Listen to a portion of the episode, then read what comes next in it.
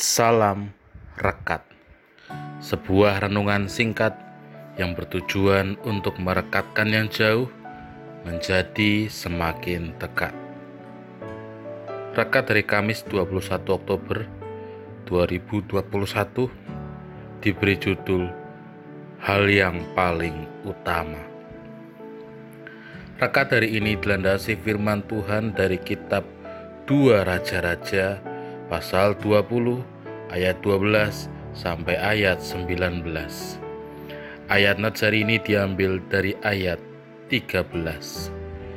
Hizkia bersuka cita atas kedatangan mereka.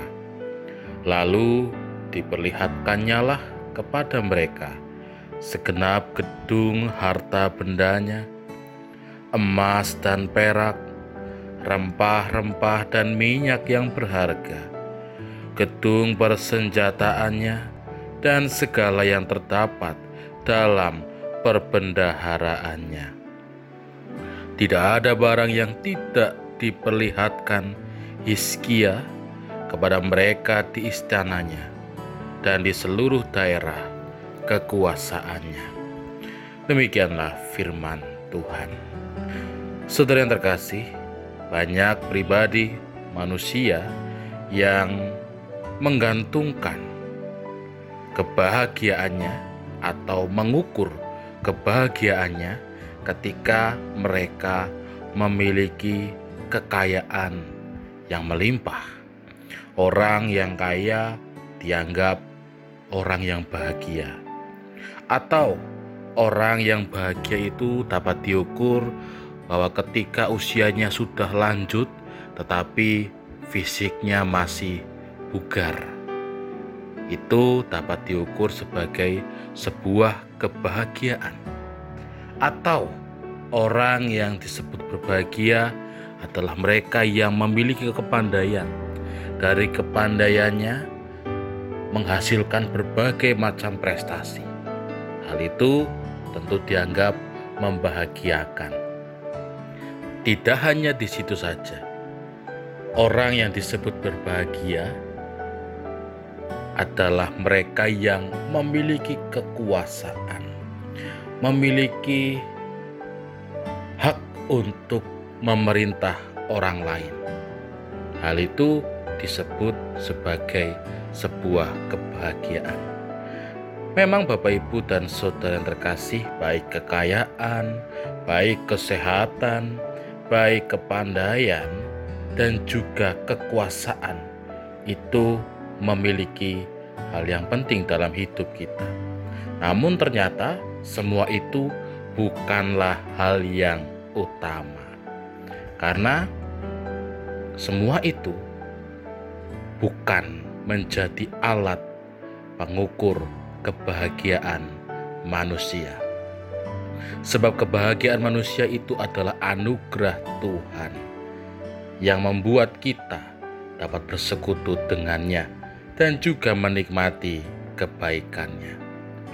Saudara terkasih, sebagai seorang raja Hizkia tentu tidak kekurangan apa pun, bahkan ia dikatakan berlimpah dalam segala sesuatu.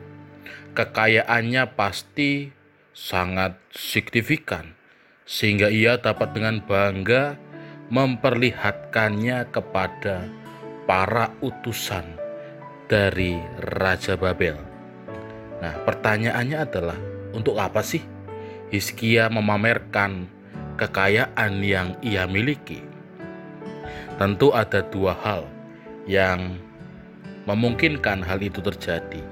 Yang pertama adalah Hizkia hendak menimbulkan kesan kepada Raja Babel bahwa Yehuda merupakan daerah yang berjaya dan juga rajanya yaitu Hizkia yang perkasa. Atau yang kedua, hal itu dilakukan supaya menunjukkan bahwa Hizkia dapat membayar upeti kepada Babel demi keamanan bangsa Yehuda. Nah, saudara terkasih di dalam Tuhan tanpa disadari Hizkia sudah terjebak oleh ukuran dunia. tentang jaminan hidup, yaitu kekayaan, kekuasaan. Padahal peringatan Allah kepada Raja Israel akan godaan kekayaan sudah disampaikan. Untuk itulah Nabi Yesaya mengingatkan Raja Hizkia bahwa semua kekayaan yang ia miliki kelak akan diangkut ke Babel, termasuk keturunan Hizkia juga akan ditawan di tanah pembuangan.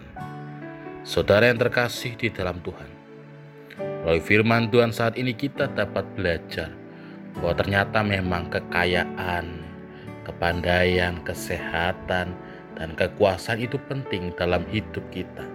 Namun itu bukanlah yang utama. Yang utama adalah bagaimana kita merasakan kasih Tuhan dan kita mengucap syukur atas apa yang telah Tuhan berikan kepada kita. Sebab seberapa kayanya kita, itu tidak akan kita bawa sampai mati. Amin. Mari kita berdoa. Hanya dengan sepenuhnya menundukkan hati dan pikiran kami kepada Tuhan Yesus. Semua harta di dunia ini beroleh posisinya yang tepat. Tuhan memberikan kepada kita dan Tuhan memakai kita untuk menjadi kepanjangan tangannya. Amin. Saya Pendeta Samuel Prayogo dari GKJ Banyumanik Semarang menyapa saudara dengan salam rekat. Sebuah renungan singkat yang bertujuan untuk merekatkan yang jauh menjadi semakin dekat.